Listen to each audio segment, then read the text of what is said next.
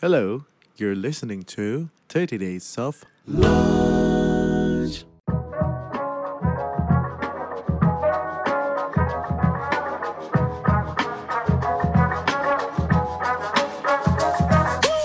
Indonesia mempunyai pasar modal terbesar di dunia dengan jumlah penduduk yang paling sedikit berinvestasi di saham.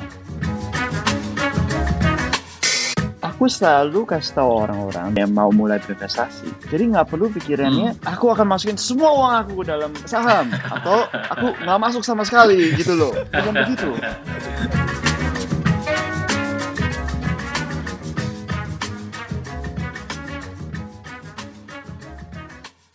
Selamat datang kembali di Days of Lunch, sipping my coffee on a Saturday morning. Karena gue pengen dapetin mood startup-startup gitu deh, kayak lagi di SF gitu pagi-pagi. Gue baru mungkin belok sedikit ke Blue Bottle gitu ya, terus gue lagi jalan ke kantor sih.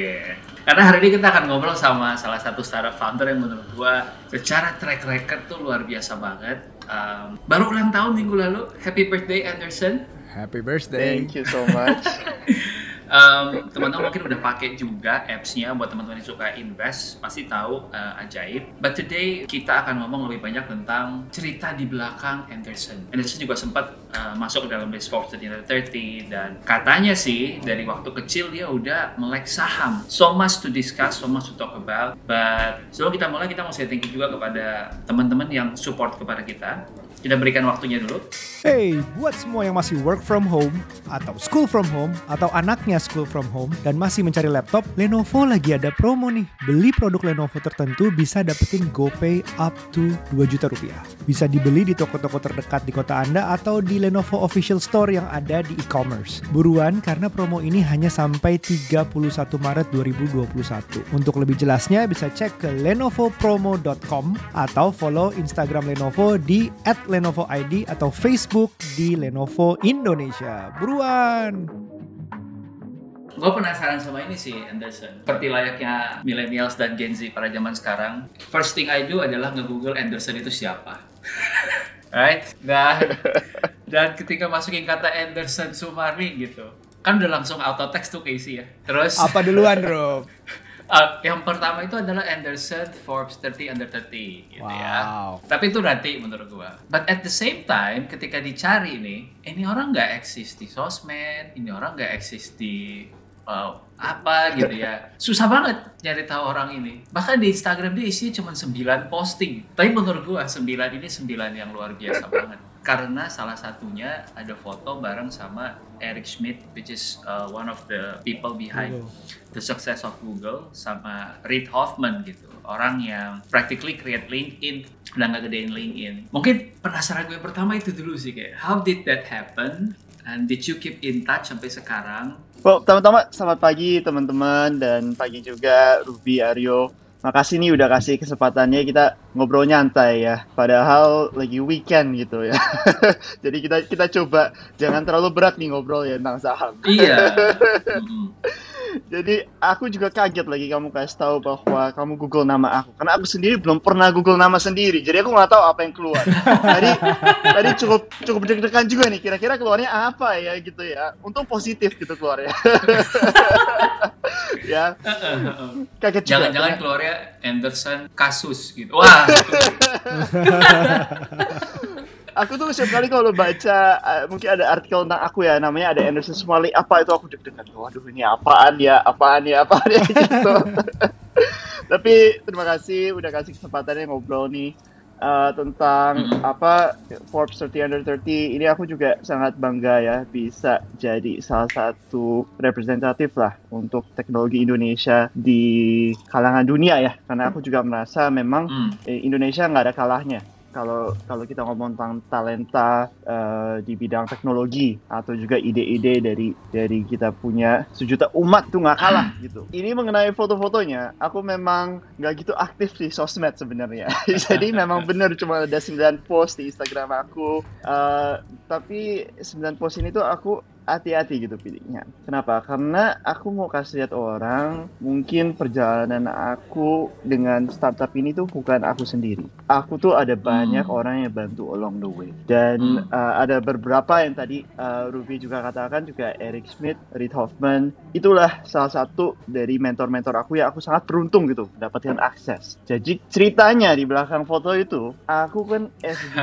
aku S2 di Silicon Valley sebenarnya. Aku belajar di itu pas di uh, apa jantungnya teknologi ya dunia ya itu di Silicon Valley gitu. Hmm, hmm. Dan aku beruntung aku mendapatkan Eric Schmidt dan juga Reid Hoffman sebagai salah satu profesor aku. Jadi itu mereka ngajarin Wow. aku tentang teknologi dan uh, makanya sampai hari ini aku banyak uh, ikutin acara-acara kayak begini nih untuk ngobrol-ngobrol dengan teman-teman untuk bisa juga sharing gitu. Mungkin pengetahuan yang mereka pas ke aku, aku juga harus pas along ke orang-orang lain yang mungkin Hmm. lagi mendengar nih sekarang Hmm. nih yang lagi mikirin Hmm, mau mulai startup atau mungkin Hmm. tertarik gitu dengan dunia teknologi. Gue tadi masih berharap ceritanya tuh yang kayak, oh iya gue kayak bump into him in toilet terus kayak gimana?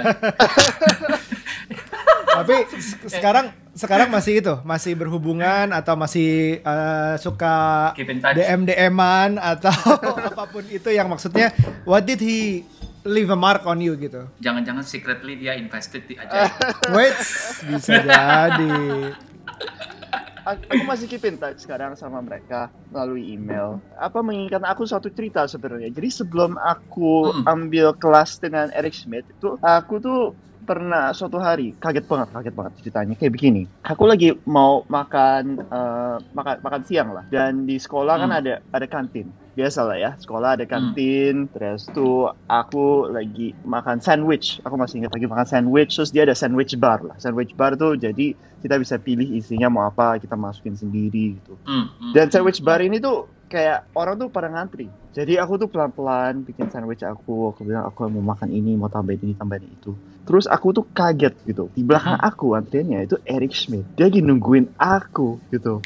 Dia juga mau makan sandwich. Jadi aku gak sengaja ketemu dia gitu. Lagi di kantin. Ini sebelum aku tahu bahwa dia profesor salah satu kelas gitu di sekolah aku. Aku bilang, aduh, aku aku bilang, aku minta maaf gitu. Hmm, Pertama hmm, kali ketemu hmm. dia, aku minta maaf. Maaf ya, aku tuh mungkin bikin sandwich aku tuh dua menit. Dan aku kalau hitung dari dari net worth-nya kamu, dua menit tuh mungkin bisa, aku tuh cost kamu mungkin ratusan ribuan dolar gitu dalam dua menit gitu loh.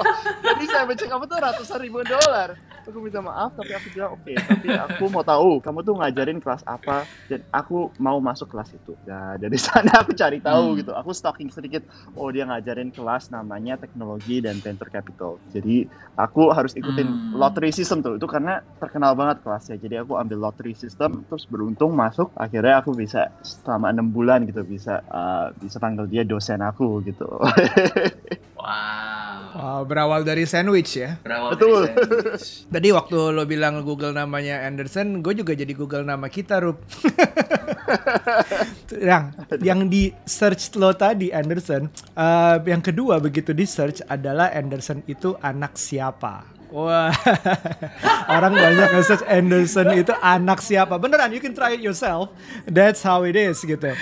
Ya, ini kepo banget sih orang-orang. Emang emang Indonesia emang kayak kepo banget gila ya. Asli, asli itu kepo banget. Jadi um, ya gue juga second generation business and I know how that feels. Cuman I wanna know your story. It should be something more than that. boleh boleh. Eh, Pertama-tama anak orang gitu loh jawabannya. Bukan siapa-siapa tapi. Jadi mungkin cerita cerita aku ya, aku tuh masih ingat lagi growing up ya, lagi SD ataupun SMP, aku tuh nggak pernah ranking satu, nggak pernah ranking dua. Aku juga masih ingat setiap kali aku tuh kalau bermimpi-mimpi aku mau masuk sekolah ini, masuk sekolah itu, tuh aku nggak pernah masuk gitu loh. Jadi Hmm. aku tahu sejak sejak muda ya, mentality aku tuh lebih banyak orang, lebih pinter, lebih beruntung mungkin ya eh, sekeliling aku. Maka dari itu aku masih kerja sedikit lebih keras dari semua orang gitu. Jadi itu udah sejak bawaan sejak SD, sejak SMP gitu. Aku tahu aku mesti kerja sedikit lebih keras daripada semua orang gitu. Mungkin semua orang kalau lagi weekend nyantai-nyantai jalan-jalan. Itu aku aku harus belajar gitu loh. Mungkin kadang-kadang teman-teman ada yang bisa belajar dua jam terus udah bisa dapat A gitu ya. Aku tuh mungkin mesti belajar 4 jam. Cuman aku udah Hmm. lihat itu sebagai maklum lah. Karena aku tahu memang aku bukan yang paling pinter di sekelilingan aku. Dan Hmm. itu pun juga mentality yang aku bawa juga eh, lagi S1 ataupun S2 aku tuh sering banget tuh merasa sekeliling aku tuh kok orang jauh lebih bertalenta daripada aku. Jauh lebih pinter daripada aku gitu loh. Kok orang ini kok bisa pencapaiannya seperti ini? Kenapa bisa pencapaiannya seperti itu? Tapi aku semakin apa seiring waktu aku tuh Hmm. realize tuh nggak nggak nggak nggak bagus gitu compare dengan orang lain. Mendingan kita fokus dengan journey-nya masing-masing gitu loh. Dan lebih baik kita fokus dengan kita punya own goals dan juga kerja kerja keras towards that own goals. Jadi mungkin cerita tentang aku sih, Hmm. Aku sih dari kecil tuh kerja keras terus gitu loh, sampai nggak tidur, nggak ada weekend, hobinya juga minim banget gitu ya. Tapi Hmm. ya aku juga sekarang mentality sekarang juga seperti itu. Aku lagi mulai perusahaan aja pun nggak ada yang nggak ada yang believe gitu. Banyak orang bilang pasar modal Indonesia mana mungkin sih segitu besar. Anak-anak muda Indonesia mana mungkin sih melek Hmm. investasi. Banyak gitu yang ngomong seperti itu. Um, banyak juga bilang kamu tahu apa sih gitu ya tentang tentang industri ini. Masa kamu kamu ngapain sih dalam industri ini gitu. Tapi ya Hmm. itulah sebenarnya tujuannya ya untuk work hard, prove them wrong gitu loh. Aku merasa di akhir hari pokoknya whatever you put in itu yang kamu akan get out of it gitu. Jadi work hard is really important gitu untuk aku.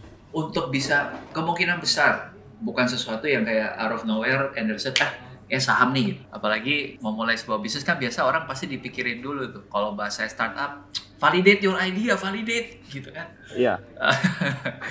apakah itu sesuatu yang you validate dengan kayak oh ya nih gue ngeliat marketnya ke arah sini uh, hitungannya kayak gini sehingga gue mau masuk atau emang uh, sebenarnya Anderson sendiri oh gue adalah investor makanya gue percaya sama ini.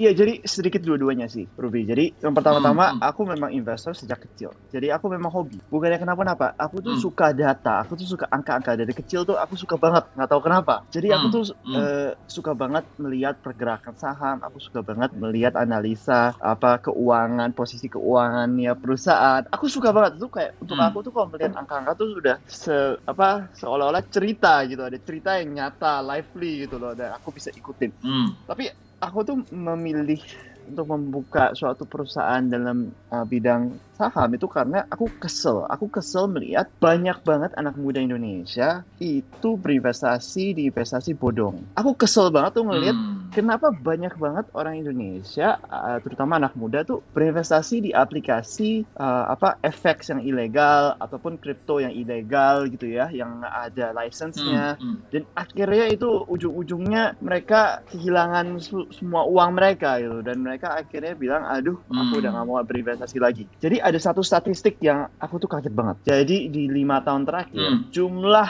dari orang Indonesia yang berinvestasi di perusahaan FX ilegal FX itu foreign exchange ya, FX Hmm. ilegal Hmm. dan kripto ilegal itu jauh lebih besar daripada jumlah orang Indonesia yang berinvestasi di saham. Kaget nggak tuh? Ya. Wow. Jadi Padahal satu Wow. Kaget resmi, banget. satu nggak resmi ya. betul betul. Jadi aku tuh kesel banget. Nah dari dari sana aku bilang kita juga bisa lah, kita juga bisa lah. Apa sih yang investasi ilegal gitu yang bisa lakukan yang kita nggak bisa gitu. Aku melihat ternyata Hmm. oh aplikasinya aplikasinya apa investasi ilegal seperti forex seperti kripto ini bagus banget gitu ternyata aplikasi gampang banget dipakai makanya Hmm. orang tuh bisa ngerti gitu makanya aku Hmm. lagi buat ajaib aku bilang nggak aku Hmm. mau bawa ini semua konsep-konsepnya ke sesuatu yang udah berlisensi sesuatu yang yang apa yang eh, udah ada approval ya dari OJK dan aku mau buat apa first time investing Hmm. experience ya atau investing untuk pemulanya tuh sangat sangat gampang gitu sih jadinya Eh, maka dari Hmm. itu lahirlah ajaib gitu di awal tahun 2019 Mungkin gua mundur sedikit. Lo masih ingat gak sih um, Anderson the first stock that you bought when you were a kid? 8 tahun ya kalau nggak salah ya. betul betul ingat ingat aku jadi dulu lagi lagi aku masih kecil aku tuh suka baca berita aku tuh suka baca aku tuh suka baca koran dan mungkin kalau yang teman-teman yang masih inget ya dulu tuh jual beli saham tuh masih belum online jadi harga-harga saham tuh nggak bisa dicek dalam website gitu. Hmm. dicetak gitu setiap hari itu dicetak di belakang di- aku masih ingat itu page paling terakhir Basis Indonesia koran. bukan sih? kayaknya itu salah satunya aku masih ingat aku tuh baca 2 sampai 3 tiga koran gitu Dulu, Aku- dulu gue bacanya cuman pengen lihat iklan bioskop gimana ya, beda banget gitu. Ah. Tapi betul, aku tuh bacanya untuk dua hal. Yang pertama itu untuk iklan bioskop, yang kedua tuh untuk saham. sama juga, sama juga. Cuman Terus terus. aku tuh aku tuh suka baca bagian harga saham karena itu angka-angka buat aku. Aku tuh dulu masih masih nggak gitu ngerti lah tentang fundamental apa-apa mungkin aku nggak gitu ngerti lah ya. Cuman yang aku ngerti adalah angka-angka itu aku suka. Jadi aku tuh tracking dari hari ke hari ini kenapa angkanya berbeda ya, kenapa angkanya naik ya, kenapa angkanya turun ya. Nah Hmm, setelah hmm. udah udah udah mungkin sebulan dua bulan aku tracking aku aku kasih tahu ayah aku. Aku bilang aku kan panggilnya papi gitu. Aku bilang papi ini eh, ini ada satu saham ya. Kenapa naik terus? Gitu. Kenapa begitu turun naik lagi turun lagi naik lagi dan kelihatannya murah gitu. Aku minta bantu beliin dong gitu. Bantuin beliin gitu. Akhirnya iseng-iseng ayah aku coba beliin gitu Hmm, loh hmm. Wah, terus naiknya berkali-kali lipat gitu. jadi, jadi itulah mungkin experience investasi aku pertama kali itu langsung langsung intinya eh, apa cuan gitu ya. Tapi aku mau kasih tau teman-teman itu mungkin dulu ya. Aku lagi masih umur 8 ya. Kalian tuh kalau mulai berinvestasi sekarang tuh jangan kayak anak umur 8 gitu. Jangan cuma lihat angka-angkanya naik terus gitu. Sekarang tuh kalian tuh udah udah zamannya online gitu. Kalian udah ada Hmm. akses kepada eh, data-data online gitu. Jadi mungkin sekarang bisa lebih lebih canggih lagi lah gitulah cara berinvestasinya dan kita di sini siap untuk membantu. Masih ada sisaan yang dipegang nggak dari 20 tahun lalu? udah, udah dijual mungkin untuk untuk uang sekolah. Udah dijual ya? ya, ya, ya, ya, ya. So anak siapa tadi menjawab pertanyaan anak siapa mungkin nggak ngaruh, mungkin dia bayar sekolahnya pakai cuannya. Pertama tadi. 20 years in the stock market, walaupun mungkin on off and mungkin sambil sekolah dan segala macam, um, perspektif lo tentang cara tadi memutuskan mau invest di mana, over time berubah nggak? Berubah berubah dong. Karena hmm. aku kan S1 belajarnya ekonomi, S2 belajar bisnis. Jadi aku Hmm. tuh bisa beruntung bisa mengikat dua-dua apa pengetahuan aku ya atau mungkin subjek ini ekonomi dan bisnis jadi satu. Kenapa? Karena dari segi ekonomi, cara aku berinvestasi sekarang tuh aku selalu harus percaya dengan industrinya dulu. Jadi aku mesti percaya bahwa ini industrinya ada tren yang cukup menarik dan ada apa sentimen yang positif gitu loh. Dan setelah aku pilih industri yang cocok dengan aku, aku baru terpilih perusahaan-perusahaan dalam industri itu. Dan di sinilah aku menarik pengetahuan aku tentang bisnis gitu. Aku melihat, oke mungkin bisnis Hmm, seperti hmm. ini yang yang modelnya jauh lebih baik daripada bisnis seperti ini, walaupun dalam industri yang sama. Jadi aku tuh sekarang mulai berinvestasi berdasarkan strategi industri, baru aku melihat dari fundamental perusahaan, lalu baru terakhir dari segi teknisnya, apakah ini waktu yang maksimal gitu untuk masuk ke pasar modal atau mungkin aku tunggu sebentar lagi. Hmm. Begitu sih cara caranya. Hmm. Jadi mungkin lebih lebih lebih canggih ya daripada dulu ya, cuman lihat-lihat angka aja ya. Tadi gue mau nanya sih kalau misalnya lo dulu tuh udah bisa ngelihat patternnya bahwa angkanya naik, angkanya eh, oh ini naik terus nih, udah tahu nih dari baca angkanya aja di koran seorang bocah berumur 8 tahun, which is amazing. Gue mikir kenapa nggak dilanjutin aja dengan kayak gitu kan? If you are, if you know how to play with numbers sih Hmm. udah udah gede kan? Ngapain bikin, ngapain sekolah lagi, ngapain bikin perusahaannya, ngapain ngebantu banyak Iya, orang. iya.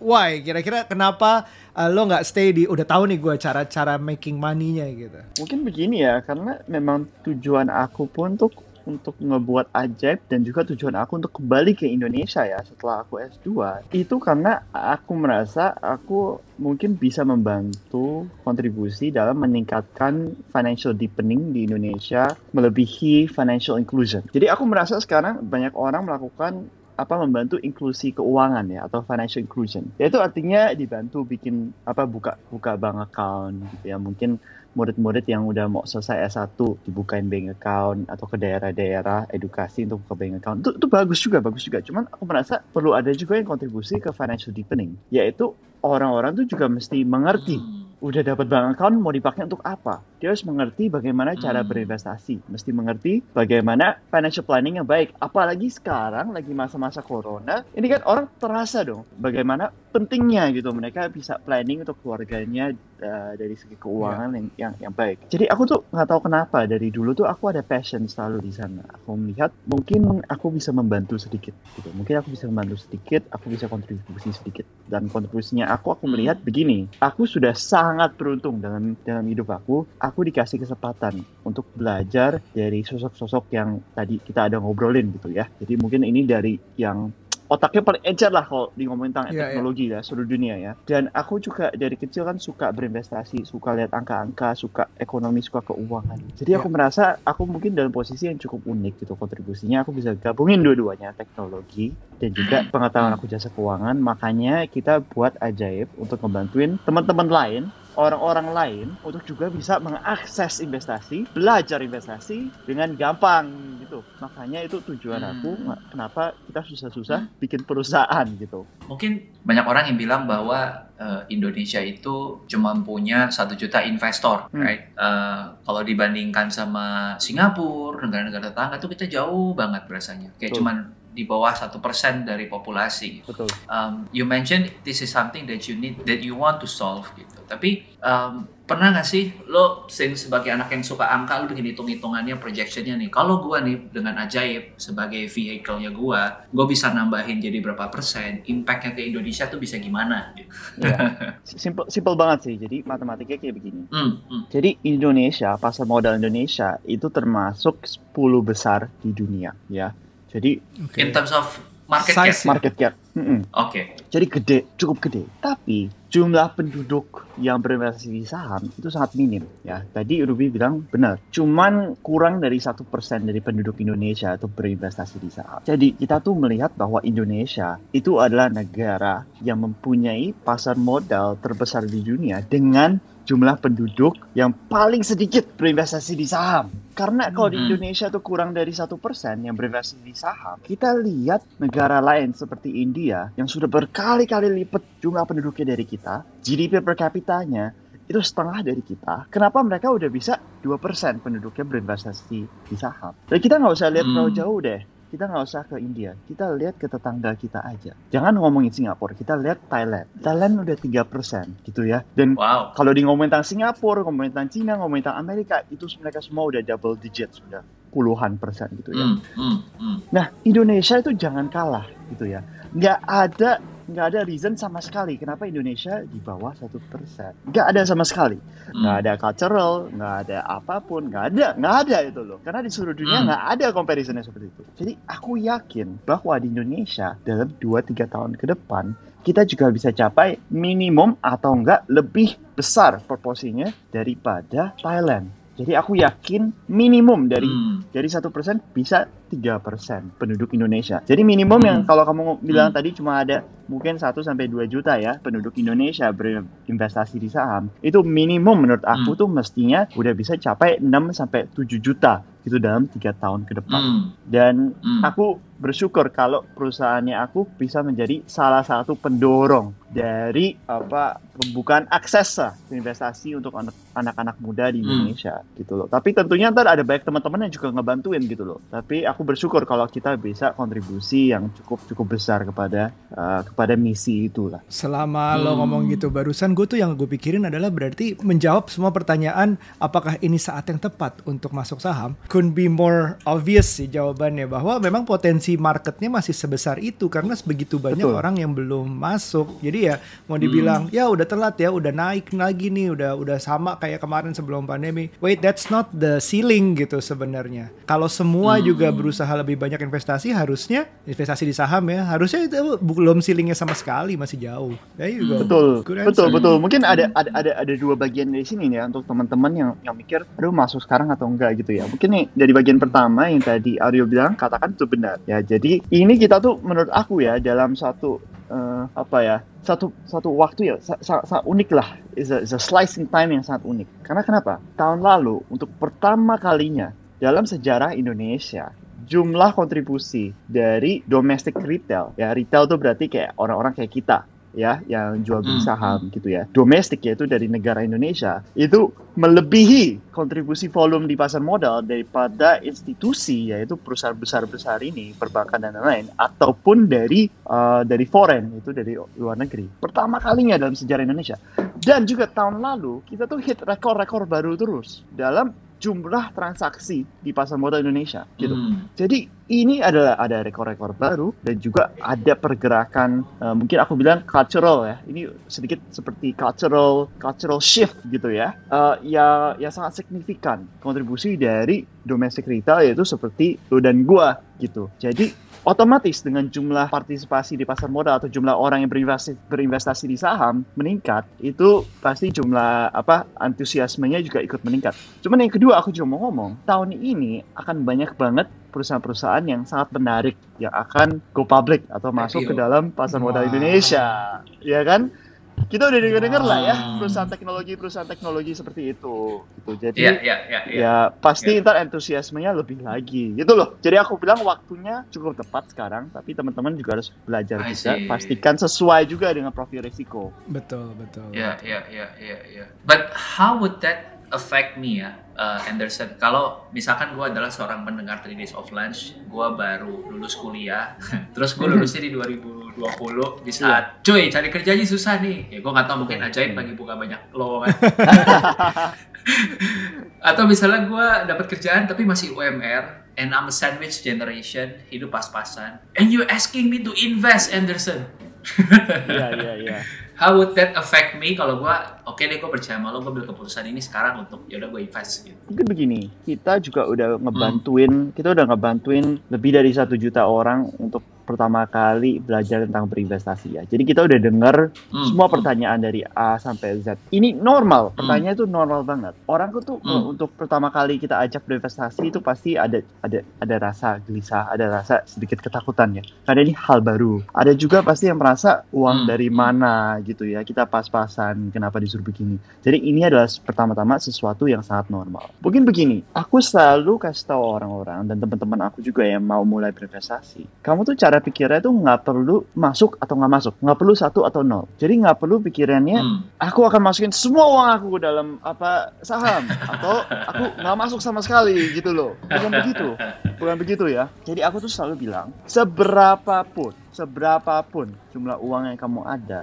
gitu ya, simpanan kamu seberapapun, masukin dulu aja 10% dari jumlah itu ke dalam pasar Hmm. modal. Ya kamu pilih dulu saham 10%. Ya kalau kalau kalau nggak nyaman 10% ya 5%. Jadi kalau kamu ya kecil-kecil dulu aja gitu masukinnya ya. Ntar kamu melihat gitu, kamu beli saham ini, kamu merasa bagaimana? Kamu merasa deg-degan kalau naik turun itu, waduh, aduh, uang aku nggak bisa makan, nggak bisa makan. Atau kamu merasa, waduh, ini sebenarnya lumayan cukup menarik. Kalau turun ini adalah lowongan untuk aku mulai berinvestasi. Kalau naik, aku mau hold karena ada ada ada prospek yang cukup baik in the long term. Itu kalian mulai belajar tentang profil risiko masing-masing. Jadi bulan kedua, kalau kalian udah tahu profil risiko kalian, kalian deg-degan, ya jangan ditambah lagi. Cukup aja 10% terus. Kalau benar Hmm. deg-degan, tarik aja semua uangnya gitu. Ya udah jangan berinvestasi di saham, nggak perlu Hmm. Gitu ya. Nah, tapi kalau kalian Hmm. merasa ini cukup menarik, turun pun aku merasa ini kesempatan untuk beli gitu ya. Aku percaya dengan perusahaan Hmm. ini, ya kamu tambahin lagi 10%. Hmm. Jadi dari 10% jadi 20%. Oh, pelan-pelan naikin terus setiap bulannya sampai kalian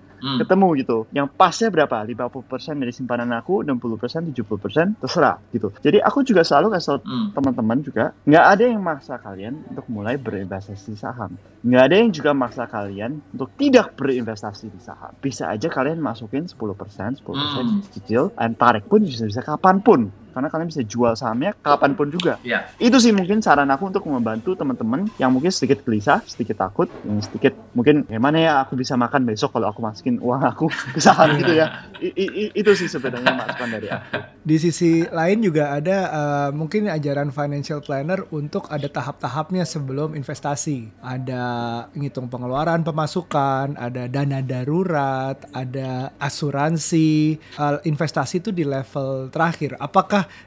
dirimu menyarankan itu semua dibagi proporsionalnya aja tapi di tetap dilakukan di awal apa gimana? Do you udah pernah dengar kan pasti financial Iya. planner bikin begitu kan ada hal-hal yang lebih utama sebelum investasi. What do you think? Ya mungkin gini teman-teman yang lagi ngedengerin mungkin eh, makin bingung atau mungkin makin gelisah ya kita dari tadi ngomongin apaan ini kata-katanya gitu ya kenapa baru-baru semua gitu ya apa ini aku nggak pernah pikirin gini jadi sebenarnya gampang banget untuk orang merasa overwhelmed ya gampang banget orang merasa aduh ini pusing banget gitu ya. Banyak harus mikirin A B C D E F G Hmm. ya. Baru aku bisa mulai berinvestasi. Dan kebanyakan orang itu bahkan lebih mending nggak berinvestasi daripada mereka merasa masuk ke hal yang salah. Itu itu benar cara Hmm. pemikirannya gitu. Itu itu dari rasa ketakutan. Jadi aku tuh selalu bilang ke teman-teman make it simple. Simple aja kalian. Simple aja ya. Pertama-tama yang kalian harus lakukan kalian harus mengerti dulu. Mengerti dulu apa itu konsepnya simpanan apa konsepnya investasi apa konsepnya pengeluaran gitu ya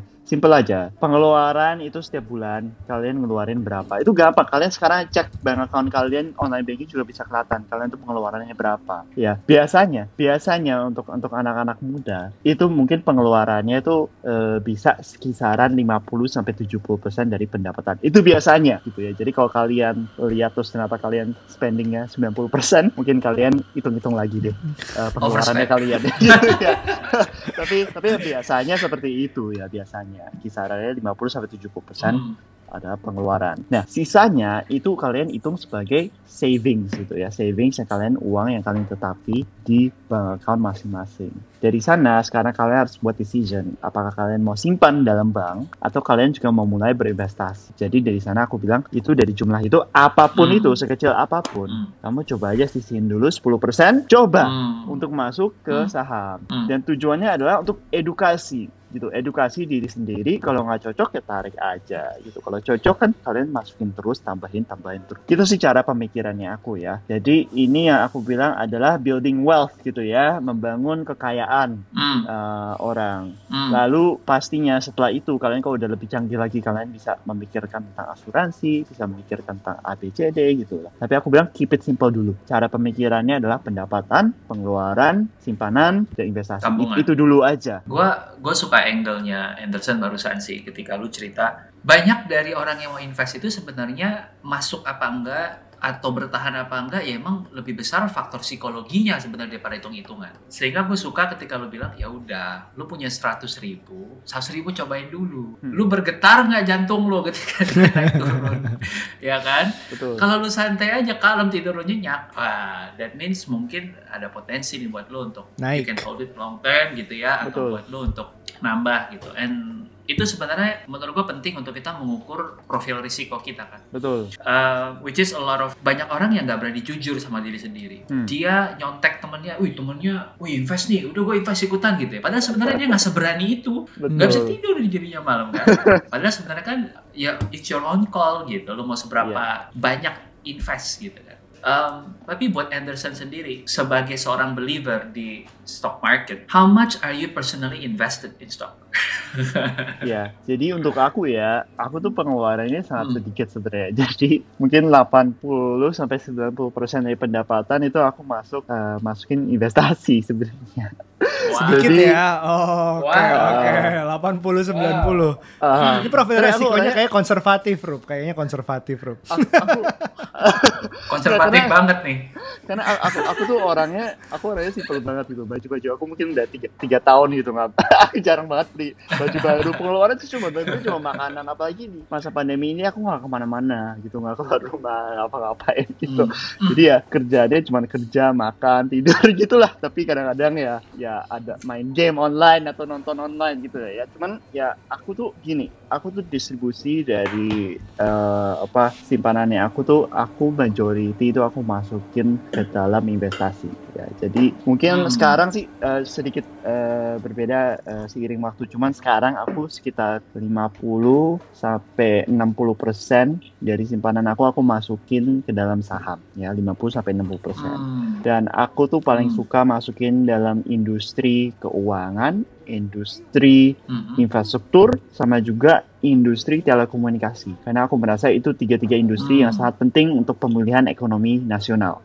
Maka dari itu aku merasa ini tiga industri Hmm. akan menjadi industri yang cukup menarik dalam pemulihan Indonesia. Tapi uh, setelah itu sekitar 30% aku masukin ke dalam pasar uang. Jadi itu reksadana pasar uang. Untuk teman-teman yang masih belum pernah dengerin, reksadana itu juga ada salah satu instrumen investasi yang mungkin resikonya um, jauh lebih rendah daripada saham. Lebih Jadi rendah. kalau teman-teman mau mulai juga bisa di sana. Hmm. Ya, Uh, jadi Hmm, pas uh, pa- uh, apa reksadana pasar uang 30% terus sisanya 10% Hmm. aku sebenarnya invest di startup startup lain gitu. Teman-teman aku bikin startup aku invest di mereka juga. Jadi Ah. itulah mungkin bagian portfolio aku yang paling beresiko. Cuman aku senang juga. Wow. Wow, wow, ini ini ini jadi menarik ya teman-teman. Kalau lo nggak pernah terpapar invest di startup kayak Anderson, mungkin lo ngerasa investasi di saham blue chip buat lo udah kayak gila ini resiko banget. But actually ada yang lebih beresiko dari itu ya Anderson ya. Betul betul. Tapi gini sih aku cara lihatnya begini. Risiko itu relatif ke Hmm. orangnya ya. Risiko itu relatif. Jadi menurut aku aku berinvestasi di startup itu tuh aku mengerti mereka tuh ngapain. Aku ngerti investasi aku tuh ngapain. Aku Hmm. ngerti teknologi dan maka dari itu mungkin aku Hmm. bisa minimasi resi, eh, minim, minimalisasi resikonya gitu ya. Sama juga Hmm. dengan lagi milih saham. Aku kan dari dunia jasa keuangan, dari dunia teknologi. Maka dari itu aku paling mengerti Hmm. lah kalau kalau aku investasinya di saham keuangan jasa keuangan, Keuangan. ataupun telekomunikasi atau teknologi gitu ya. Tapi aku tuh nggak Hmm. pernah loh investasi di pertambangan gitu kan aku aku commodity. Ah, itu itu aku nggak ngerti sama sekali. Jadi menurut aku ini resiko tinggi banget kalau aku masuk ke sini. Tinggi banget Hmm. gitu karena aku tuh masuknya tuh Hmm. mungkin eh, sembari buta gitu umpamanya. Jadi Ya, resiko ya, tuh ya, ya. relatif ke orang-orang. Guys, kalau see. kalau kalian denger ini, you- if you can read between the lines, jadi uh, tadi dibilangnya adalah institusi keuangan, teknologi dan telekomunikasi. Kira-kira kalau keuangan yang digabung dengan teknologi sesuai sesuai dengan tesisnya dia nih tentang bank digital, wah itu udah udah kode banget nih kayaknya untuk masa depan. But anyway, we're not talking about um, Kita, kode-kodean kita ya. puterin aja nggak nih lagunya? Kita ini kita nggak mau pada joget. kita nggak mau bikin um, Andersonologi ya kita nggak bermaksud untuk Iya, bikin iya. gitu tapi Nggak- di sini memang ikutin kayaknya. oh jangan salah Namanya jelek banget. ini karena ini banyak banget sekarang mologi mologi mansur mologi apalah semuanya rame banget nih. Tapi kalau misalnya um, melihat kita ngomongin industrinya misalnya industrinya memang yang di depan yang dirimu suka kan itu tiga tadi kan. Uh, tapi kalau misalnya lihat masa depannya apakah memang di situ ya kuncinya ya? Sepertinya sih kalau gue gua gua on the same page sih karena gue suka teknologi juga. Uh, selalu mencari apa yang bisa berhubungan dengan teknologi. Dan entah itu infrastruktur entah itu argo tapi ada teknologinya it would interest me. But what do you think about the in- industry in the future which to invest gitu. Ya, jadi mungkin gini ya, cara pemikiran aku untuk jasa keuangan itu penting karena lagi kita mikirin tentang pemulihan ekonomi nasional, itu salah satu instrumen dari eh, negara atau dari eh, pemerintah yang bisa membantu pemulihannya adalah pemerintah mungkin bisa kasih pinjaman ke masyarakat dan juga perusahaan-perusahaan kecil untuk mulai bisnis ulang lagi gitu loh. Karena ekonomi nggak Hmm. bakal pulih kalau uh, masyarakat sama uh, bisnis-bisnis UMKM nggak nggak terus mulai uh, bisnis mereka gitu. Nah, jadi uh, di sana bagaimana caranya pemerintah bisa distribusi uang ke teman-teman seperti ini? Terkadang kan dia kasih uang langsung gitu ya. Tapi uh, kebanyakan waktu tuh dia tuh distribusinya melalui dari bank gitu loh. Jadi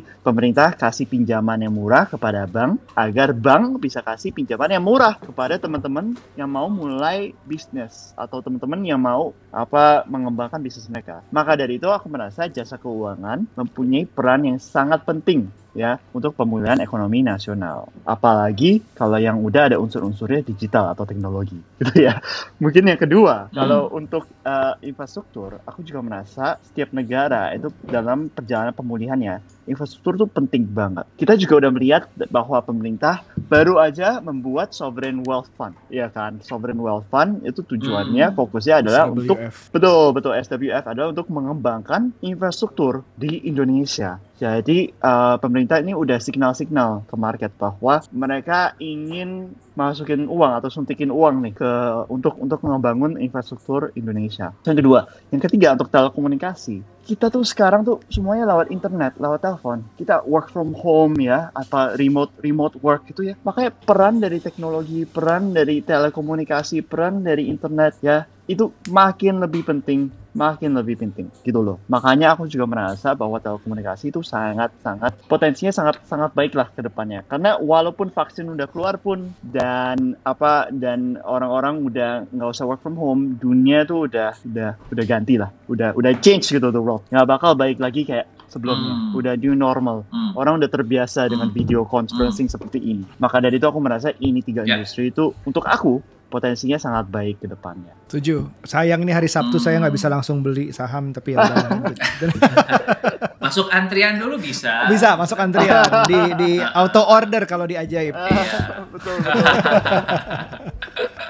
Menurut lo nih, Anderson, di market sekarang kan orang juga terpecah antara should I be an investor dalam konteks value investor yang gue ngeliat fundamental atau gue menjadi trader gitu. Hmm. Apakah ini kembali lagi menurut lo personality atau gayanya masing-masing orang cocok-cocokan atau memang uh, dalam jangka panjang sebenarnya udahlah lebih banyak kan uh, as you say tadi ngeliat industri uh, cari uh, perusahaan yang sehat terus ya sedikit trading in the sense lu ngeliat timing habis itu ya udah you hold for the long term Jadi begini, mungkin pertama-tama itu pasti berdasarkan strategi investasi masing-masing. Jadi teman-teman juga mulai belajar tentang diri sendiri, mulai juga belajar yang mana yang cocok buat kalian. Untuk saya, aku punya strategi itu selalu bisa dibilang top down ya. Top down tuh kenapa? Karena aku mulai dari percaya dulu dengan industrinya, strategi industrinya, baru aku milih saham-saham di dalamnya, gitu ya. Jadi begini, aku sih selalu kasih tahu teman-teman, kalian harus mulai berdasarkan sesuatu yang fundamental, gitu. Jangan mulai dari technical Hmm. dulu. Aku sih selalu ajuinnya seperti itu. Kenapa? Karena begini, Hmm. kalau kalian mulai dari fundamental, terus harga saham itu turun, at least kalian bisa merasa sedikit nyaman bahwa harga itu kalian bisa percaya akan naik lagi ke depannya. Karena Hmm, koreksi kalian- normal gitu ya Betul, koreksi normal gitu loh. Jadi kalian nggak nggak nggak berinvestasi secara buta gitu. Jadi fundamental itu apa ya? Hmm. Itu fundamental itu bukan berarti ya kalian mesti benar-benar baca 200 300 halaman punya apa keuangan mereka. Laporan Nggak keuangan. gitu. iya, nggak nggak gitu, nggak gitu. Ada beberapa levelnya gitu. Jadi kalian jangan merasa terlalu takut gitu. Mungkin yang pertama ya kalian bisa melihat dulu dari berbagai matrix-matrix saya dulu melihat apakah ini baik atau enggak. Nah, kalau di aplikasi ajaib ya kita udah bantuin kalian, kita kasih ranking. Jadi dalam uh, saham ini, dalam Iya, industri ini tuh. rankingnya rankingnya berapa gitu. Jadi kalian tahu kalau PI ratio 2 sama 4 apa ya itu bedanya ya? Dua bagus atau dua Hmm. jelek gitu ya kan? Kadang-kadang kan orang bingung juga, makanya kita kasih rankingnya. Jadi kalian tahu dua itu bagus banget gitu kalau dalam industri ini. Nah, itu salah satu caranya. Yang keduanya kalian juga bisa membaca berita. Membaca berita jadi kalian uh, dapat informasi tentang strategi perusahaannya ke depannya akan berganti atau industrinya akan berganti. Contohnya kalau otomotif belakangan ini kan Hmm. uh, pajaknya atau DP-nya di, diturunin jadi 0%, itu kan ada impact gitu ke dalam Ya. industrinya dan juga perusahaan-perusahaan di dalam otomotif. Itu ada impact. Nah, itu juga bisa Ya. dihitung sebagai fundamental gitu ya. Nah, mungkin setelah kita udah melakukan sedikit fundamental analysis, baru aku bilang kalau mau, kalau ada orang yang percaya, bisa mulai technical analysis. Itu kalau orang percaya, nggak semua orang percaya ya. Kalau technical analysis itu tujuannya adalah untuk bisa time the market intinya. Jadi kita udah tahu nih Hmm. saham yang mana yang bagus. Sekarang pertanyaannya kapan masuknya? Kalau masuk besok bisa dapat diskon 10% nggak? Kalau masuk sekarang bisa dapat diskon 5% nggak? Di sanalah aku bilang terkadang teman-teman bisa melakukan technical analysis. Itu pun juga bisa membantu kalau kalian mau Hmm. jual. Jadi kalau kalian pikir, aku percaya nih dengan industrinya, percaya dengan perusahaannya. Cuman kelihatannya aku Hmm. mesti jual sekarang karena bisa Hmm. diskon 50% dalam tiga bulan ke depan. Itu silakan. Cuman nggak semua orang percaya technical analysis. Ya jadi masing-masing kepercayaan masing-masing Hmm. juga kepercayaan apa eh, berdasarkan risk profile masing-masing juga lah. Cuman aku selalu bilang mulai dari minimum kalau mesti tahu lah itu saham apa, ngerti lah itu belakang ticker symbolnya mereka tuh jualan apa gitu loh. Eh, jangan cuman lihat itu sebagai sebagai ticker symbol Hmm. gitu loh. Hmm. Hmm. M- Iya, mungkin kalau nyambungin sama yang tadi yang ngetes profil resiko di awalnya mungkin ya na- uh, invest 100 ribu terus nggak masih bisa tidur masih santai turun nambah lagi nambah lagi nanti kalau itu semua berdasarkan fundamental udah dilakukan baru nih wah mau coba-coba iseng technical dengan budget yang mulai dari sedikit dulu Betul. juga gitu biar tahu rasanya lo tuh ja- jago nggak sih Hmm. ngitung technicalnya segala macam gitu Hmm. jadi memang Betul. lakukan secara bertahap dan dari fundamental dulu ya disarankan ya Betul, dan aku tuh selalu Iya. bilang tuh Iya. coba aja dulu. Coba aja dulu nggak ada yang maksa coba aja dulu kalian boleh coba loh kalian kalau nggak suka ya kalian nggak usah gitu loh jadi nggak usah Iya, merasa udah harus pinter banget mesti tahu 100% mesti Hmm. semua uang yang dimasukin itu Iya. jangan jangan pikir seperti itu bukan satu atau nol ada kalian bisa coba dulu Hmm. Tapi I, I think tractionnya ajaib uh, so far is doing well. Ini ini gue ngerasa sedikit irisannya ya. Cocok logi antara Three Days of Lunch dan ajaib adalah kalau gue nggak salah baca ajaib itu diinvest sama salah satu company uh, venture capital yang satu parent company sama Likashing. Bener nggak sih Anderson? Horizon Venture ya? Iya, kita jadi beruntung juga ada dukungan uh, dari apa petinggi-petinggi teknologi lah seluruh dunia yang juga percaya Iya, kita. iya. Karena mereka juga melihat ini sudah terjadi di, di negara-negara lain, akan terjadi Hmm. juga di Indonesia. Dan ini juga cocok gitu Hmm. dengan pemikiran aku Indonesia nggak kalah dengan negara-negara lain. Dari jumlah penduduk kita, Iya, iya. dari seberapa besarnya pasar modal kita, ini kita juga ada potensi bisa lebih besar daripada negara-negara lain bahkan. gue personally sangat suka dengan pemikiran Mr. Lee gitu. In fact, salah satu alasan kita namain 30 Days of Lunch adalah di salah satu bukunya dia dia nulis kalau lu punya duit, ya salah satu cara lu untuk invest adalah lu invest di pertemanan, persahabatan yang bisa ngebantu lu upgrade diri gitu. Mhm. Uh, praktisnya dia bilang alokasikan 10 sampai 15% buat lu traktir orang makan siang gitu. orang lebih pintar gitu ya. Iya. So I think it's it's good thing that hari ini kita bisa mungkin nggak makan siang tapi sarapan ya sama Anderson belajar sesuatu. Iya. gue kalau boleh mau kembali ke Eric Schmidt dan Reid Hoffman karena itu mengawali Anderson dan ajaib. Hmm. Apa sih yang lu pelajari tadi yang lu bilang lu pengen pass on ke teman-teman di sini yang umur 20-an yang mungkin mereka juga butuh nih inspirasinya. Wah, ada banyak banget sebenarnya. Banyak ya. Kita mungkin bisa buat ini jadi serial ya, mungkin. jadi mungkin ada beberapa beberapa hal yang paling penting ya. Jadi mungkin yang pertama, Hmm. teman-teman tuh kalau mikirin tentang bikin kalau lagi mikirin ya mau bikin startup baru atau perusahaan sendiri. eh sebenarnya yang paling penting kalian harus pikirin adalah kalian mesti mencari partner yang cocok. Co-foundernya mesti cocok. Hmm. gitu. Karena kebanyakan perusahaan startup itu gugur bukan karena kehabisan uang ataupun eh, karena nggak nggak dapat pengguna gitu loh. Tapi kebanyakan statistik ya 80 sampai 90 persen perusahaan startup itu gugur karena masalah SDM. Jadi atau Hmm. atau people Hmm. problem maksudnya kita ngomongnya. Jadi Hmm. mungkin berantem dengan partnernya gitu loh atau berantem dengan karyawan-karyawan sendiri gitu loh. Nah, jadi kebanyakan tuh gugur 80 sampai 90% dari perusahaan startup itu gugur karena people people problem gitu. Jadi penting Hmm. banget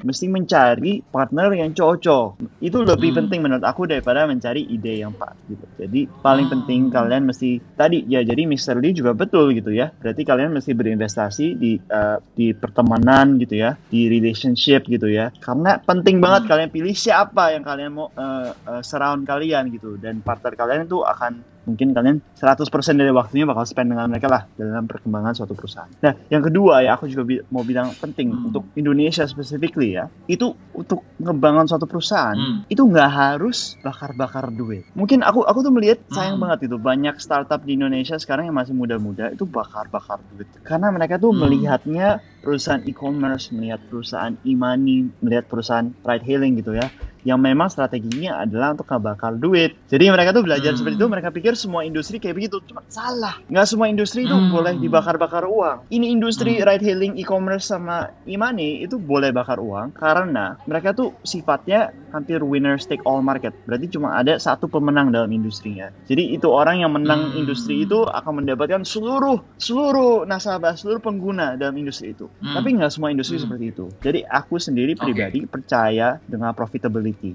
Aku percaya Hmm. dengan uh, mesti ngebangun suatu perusahaan yang sustainable gitu loh. Jadi Hmm. teman-teman tolong kalau mau bikin perusahaan jangan bakar-bakar duit terus. Kalian mesti berinvestasi dalam produk yang bagus dengan orang-orang yang pintar gitu aja sih. Ya mungkin itu ada Hmm. dua. Mungkin Hmm. yang yang satu yang pertama itu ajaran dari Reid Hoff, uh, dari Hoffman. Yang kedua itu ajaran dari Eric Schmidt. Reid Hoffman itu yang nulis Blitzscaling bukan sih? Betul, betul. Dia Ah. juga yang foundernya ya? foundernya PayPal. Jadi dia tuh co-foundernya Elon Musk dulu lagi ngebangun Oh. uh, PayPal. Terus dia juga foundernya LinkedIn setelah itu. I see. Gila ya. Iya gila mereka. kayak Midas touch apa yang dibikin tuh berhasil semua gitu. Betul. Luar biasa ini orang. Speaking of uh, starting a new company nih tadi ya, uh, Anderson dan co-founder tadi. Uh, Anderson di Ajaib itu, are you the hustler, the hacker, the hipster, atau lo nggak percaya tiga hal itu lo punya punya pemikiran lain? Ini lagi lagi tanya ini lucu banget pertanyaannya. Karena mungkin aku bisa bilang aku ada Hmm. tiga-tiganya sebenarnya di perusahaan ini. Karena gimana ya kalau kalau lagi lagi masa startup itu kekurangan orang ya kita jadi semua orang gitu loh akhirnya. Jadi kalau mau ditanya hustler, yes, hustler gitu loh. Karena kita tuh setiap kali tuh kekurangan kekurangan orang, kekurangan waktu, eh, banyak banyak Hmm. permintaan dari nasabah gitu loh. Jadi kayak kita mesti hustler juga sih sebenarnya. Penting banget sebagai suatu Hmm. uh, founder untuk menjadi hustler. Kenapa? Karena banyak orang yang nggak per- nggak Yeah. percaya aku lagi aku mulai gitu loh. Tadi aku udah bilang Yeah. kan banyak orang negatif nggak percaya ini itu. Kita mesti jadi hustler gitu. Mesti hustler itu makna dari aku tuh melihat sesuatu yang orang lain tidak melihat gitu dan mengambil Hmm. apa opportunity itu yang orang lain nggak nggak bisa melihat. Dan aku juga mau, mau Hmm. dibilang hacker juga hacker juga gitu. Kenapa? Karena terkadang kita kekurangan waktu, kita kekurangan karyawan gitu ya. Akhirnya kita mesti hack sesuatu konsepnya kalau dalam dunia startup namanya minimum viable product ya. Jadi nggak sempurna produknya, tapi good enough gitu. Good enough bisa bisa dikasih Hmm. ke ke eh, ke pengguna, terus ntar kita ambil feedback, kita bisa iterasi, bisa sempurnakan seiring waktu gitu ya. Ah, dan kemudian hipster juga hipster juga, cuman hipster itu dalam artian kata seperti ini. Mungkin kalau untuk aku ya, definisi hipster itu orang yang nggak ngikutin culture, yang mungkin nggak ngikutin orang lain tuh pikirannya seperti apa gitu ya. Jadi sedikit berbeda gitu ya. Dan itu aku merasa penting banget untuk seorang founder tuh mesti ada pemikiran yang berbeda. Karena kalau pemikirannya sama, ya udah ya bikin perusahaan ya sama kayak orang lain aja gitu loh. Mesti ada sesuatu yang Iya, unik, iya. mesti ada pemikiran yang berbeda yang orang lain nggak percaya. Jadi ya tiga-tiganya lah, ada sedikit lah. soal tadi co-founder ya, gue lagi memulai sebuah bisnis baru juga, sebutlah startup gitu ya, Uh, more into education, which is kita Hmm. bikin uh, learning video, something kayak kalau di luar negeri itu kayak master class. Nah, isunya gue adalah kalau gue nunggu ketemu co-founder yang tepat, mungkin gue nggak mulai-mulai Anderson, Hmm. right? But at the same time, gue juga butuh karena nih setelah gue ship the product, ya kayak tadi lu bilang MVP-nya udah keluar dan I think uh, dari dari pengguna juga mereka udah seneng kita terus building uh, produknya dibagusin terus, uh, materi dibagusin terus. Tapi gue mulai ngerasa wah gue nggak bisa sendiri nih, gue mesti cari Hmm, co-founder. betul. Buat Anderson mungkin ketemunya di kampus ya. Iya betul. Buat kita yang udah 30 ada nggak kampus lagi, kita cari di mana Anderson? Iya, oh pertama-tama aku aku big fan masterclass. Aku juga pakai sih masterclass itu untuk eh, itu Hmm, untuk teman-teman yang belum pernah denger itu adalah aplikasi untuk bisa belajar ya mungkin ya. Jadi skillnya bisa di-upgrade dan ada berbagai subjek-subjek yang cukup menarik di sana. Mm-mm. Um, jadi gini, sebenarnya tuh perjalanan suatu founder kalau single founder itu kasihan banget. Kasihan banget karena karena perjalanannya tuh susah banget gitu loh. Ada naiknya ya Dan memang panjang. kalau- betul panjang. Kalau sukses ya ya the high are highest. Cuman kalau lagi lagi the low itu juga low banget gitu loh. Jadi kalau kalian nggak ada temen gitu sebagai single founder, aduh itu pasti stresnya stres banget. Aku cuma bisa bayangin bagaimana stresnya gitu loh. Jadi uh, I, I, I feel you gitu Ruby. Gini, aku tuh selalu kasih tau teman-teman gitu ya. Eh, mencari co-founder itu nggak harus di kampus. Terkadang kalau kita memang merasa bahwa kita punya apa, kita punya network sekarang masih belum cukup untuk mencari founder yang cocok, kita harus aktif cari founder. Jadi dulu lagi aku pilih founder Hmm. aku, aku tuh dulu tuh aku bener-bener list out semua nama-nama teman aku tuh yang bisa jadi founder semuanya. Dan aku ngobrol satu-satu sama Wow. mereka, satu-satu sama mereka. Wow. Akhirnya kan ketemu sama classmate aku lah di di kampus gitu ya. Ini yang paling cocok gitu ya. Nah mungkin teman-teman juga bisa mulai dari seperti itu dulu. Lihat list out semua teman-teman kamu cocok atau nggak cocok, mereka tertarik atau nggak tertarik Hmm. gitu ya. Semua yang sekarang mungkin lagi kerja di unicorn unicorn itu kalau kalian isiin namanya. Dan kalau kalau memang masih nggak cocok, masih nggak pas, itu aku sih selalu sarannya coba kalian kerja dulu di perusahaan teknologi untuk 3 sampai 6 bulan. Untuk cari teman-teman di dunia teknologi yang cocok sama kalian. Aku tuh bilang jangan cari co-founder yang kalian baru kenalin satu atau dua bulan. Karena itu kalian masih belum tahu jelek-jeleknya di mana tuh. Ya kan? Selalu ped- Iya. kan kalau lagi masa PDKT kan cuma bagus-bagusnya tuh dikasih lihatnya, ya kan? Kalian juga mesti tahu jelek-jeleknya apa. Hmm. Tuh, Jadi aku bilang ya udah kalau kalian memang kepepet Hmm. nggak ketemu co-founder ya coba aja kerja dulu di salah satu unicorn ya 3 sampai 6 bulan mungkin kalian ketemu teman-teman di sana. Begitu sih mungkin sarannya aku. Dan sarannya Anderson, apakah penting untuk punya technical co-founder dulu atau sebenarnya nggak terlalu matters? You can always hire gitu. Sebenarnya tergantung ya, tergantung dengan industri apa. Ya, kita juga udah mendengar Hmm. beberapa unicorn di Indonesia ya ada founder yang technical, ada founder yang non technical gitu. Jadi ini benar-benar tergantung industrinya industri apa. Kalau industrinya yang paling penting adalah teknologi, sebaiknya kita ada technical co-founder. Jadi contohnya Ruby itu kamu, kalau kamu nge- ngebangun masterclass, aku tuh yakin eh, pasti pasti dia punya platform teknologinya sangat penting lah kan perlu stabilitas terus tuh kalian kalau penggunanya banyak orang kan semakin semakin Hmm. heavy ya loadnya ya Hmm. dari platform itu dan juga semakin banyak kamu upload uh, materi video itu kan Betul, semakin semakin betul. berat juga aplikasinya Hmm. jadi ada baiknya kamu mencari technical co-founder tapi bukan bukannya aku bilang nggak bisa tanpa technical co-founder bisa cuman hidupnya kamu ntar bakal lebih susah lah dua tiga tahun ke depan maksudnya itu perjalanannya bakal jauh lebih susah masih aja bisa tapi jauh lebih susah Ya, ya, mungkin mungkin gue buka eh, apa namanya sayembara terbuka aja buat teman-teman yang dengerin podcast ini. If you are good with the technical stuff and you're interested to jump on board, uh, especially buat yang tertarik in education, send me an email, we can talk about it. gue tetap mau temenan sama Anderson lah, gue nggak mau hijack-hijack. Let's talk about if I may uh, about the app ya, aplikasinya. Pertama-tama namanya ajaib kenapa? Jadi itu namanya tuh ajaib. Ajaib tuh karena begini loh. Aku tuh dulu tuh kalau teman-teman tuh nanya gimana cara mulai berinvestasi, gimana caranya mulai, aku sendiri juga pribadi. Aku kesel banget karena cara buka account uh, untuk berinvestasi saham itu tuh semua tuh mesti ke cabang, mesti ketemu orang atau nggak mesti print Hmm, out dari broker. mungkin betul du- du- Iya, iya. 20 20 lembar itu mesti isi satu persatu tanda tangan setiap paraf itu setiap Bisa ya, dua tiga minggu lagi antrinya. Betul, lama banget. Aku aku experience aku nggak aku ngomong ngomong siapa cuman tuh bisa 4 sampai 5 minggu bahkan ya. Jadi kesel banget nah. Dari sana aku bilang aku mau mulai satu perusahaan di mana proses pembukaan rekeningnya sangat gampang, proses mulai berinvestasinya sangat gampang seperti ajaib. Makanya aku namanya ajaib. Hmm.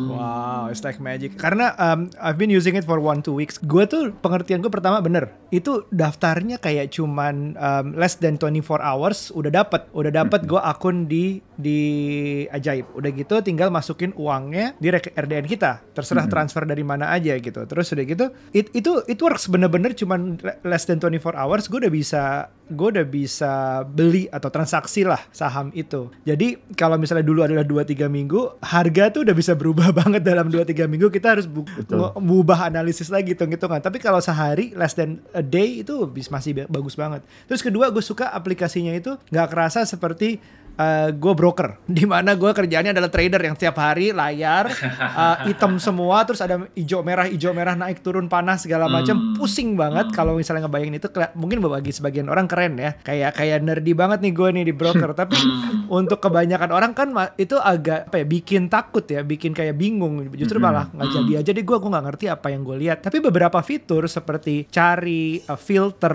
terus udah gitu bikin ranking dari sahamnya, Hmm. Uh, terus udah gitu background putih, terus um, jarak spacingnya masih gede-gede, portfolio, watchlist terpisah. Terus juga selain itu yang menarik bukan cuman uh, beli emiten ya. Jadi sekarang Hmm. udah bisa beli reksadana uh, dan juga bisa uh, reksadananya pun difilter tuh. Ada berdasarkan jenisnya, RDPU, uh, ada berdasarkan popularitinya misalnya itu macam-macam. Tapi yang mungkin akan ke depannya ditambahin adalah itu ya uh, jumlah produknya belum lengkap ya, belum semua yang ada di market. Bener nggak Anderson? Ke depannya akan ada apa nih di ajaib?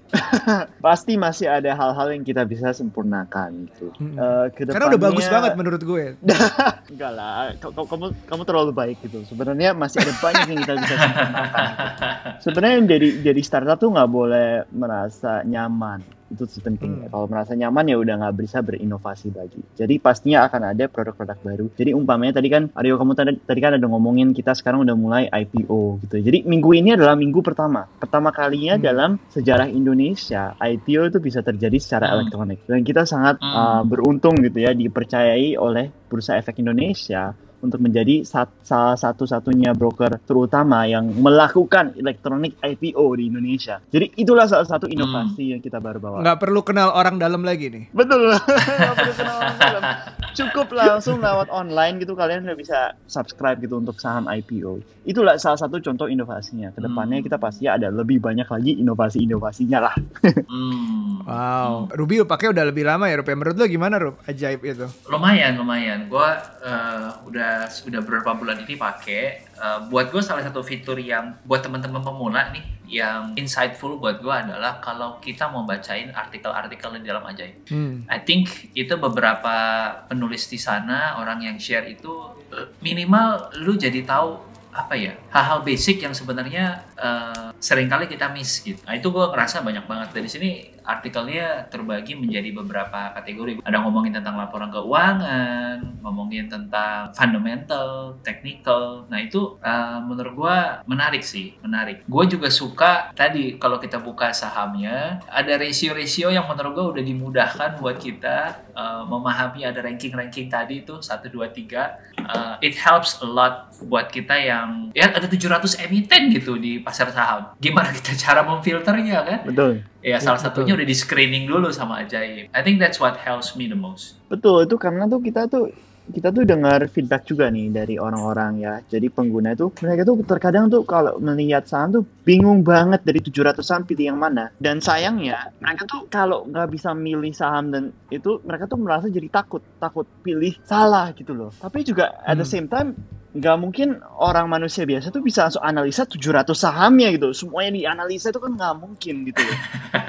ya makanya kita bantu Ah, gitu dengan filtering kita juga bantu yang tadi yang tadi Ruby juga katakan itu ada ada satu seperti sosmed lah Iya. di dalam aplikasi kita di mana mungkin teman-teman yang udah lebih berpengalaman tuh bisa ngebantu sharing gitu loh cara pemikiran mereka tentang saham seperti apa biar teman-teman juga bisa belajar yang lain-lain Hmm. Tapi fitur yang paling gue suka nih, yo. fitur yang Apa paling gue itu? suka adalah teman-teman semua bisa daftar Ajaib lalu pakai kode gua @alexandro nanti akan dapet Nggak, nggak, nggak bisa. It- bisanya pakai kode gue bisa. karena gue downline lo. Jadi lo dapet. Oh enggak ya nggak gitu ya.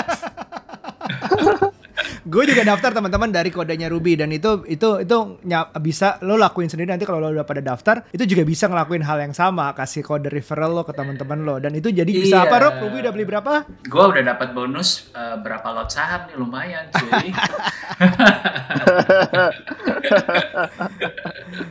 mungkin Anderson boleh cerita terakhir buat teman-teman yang dengerin podcast ini buat gua ketemu someone yang di umur 20-an udah wow banget. Gua pernah ketemu orang yang quarter life crisisnya itu adalah justru dia ngerasa oh company gue udah oke banget gue bahkan udah exit di umur 28 terus I have enough money invested for the next 20 years. Terus dia jadi bingung mau ngapain gitu. At those, at one point juga ada orang yang quarter life crisisnya adalah ya gue 28 tapi gue gak tau mau ngapain sama hidup gue right?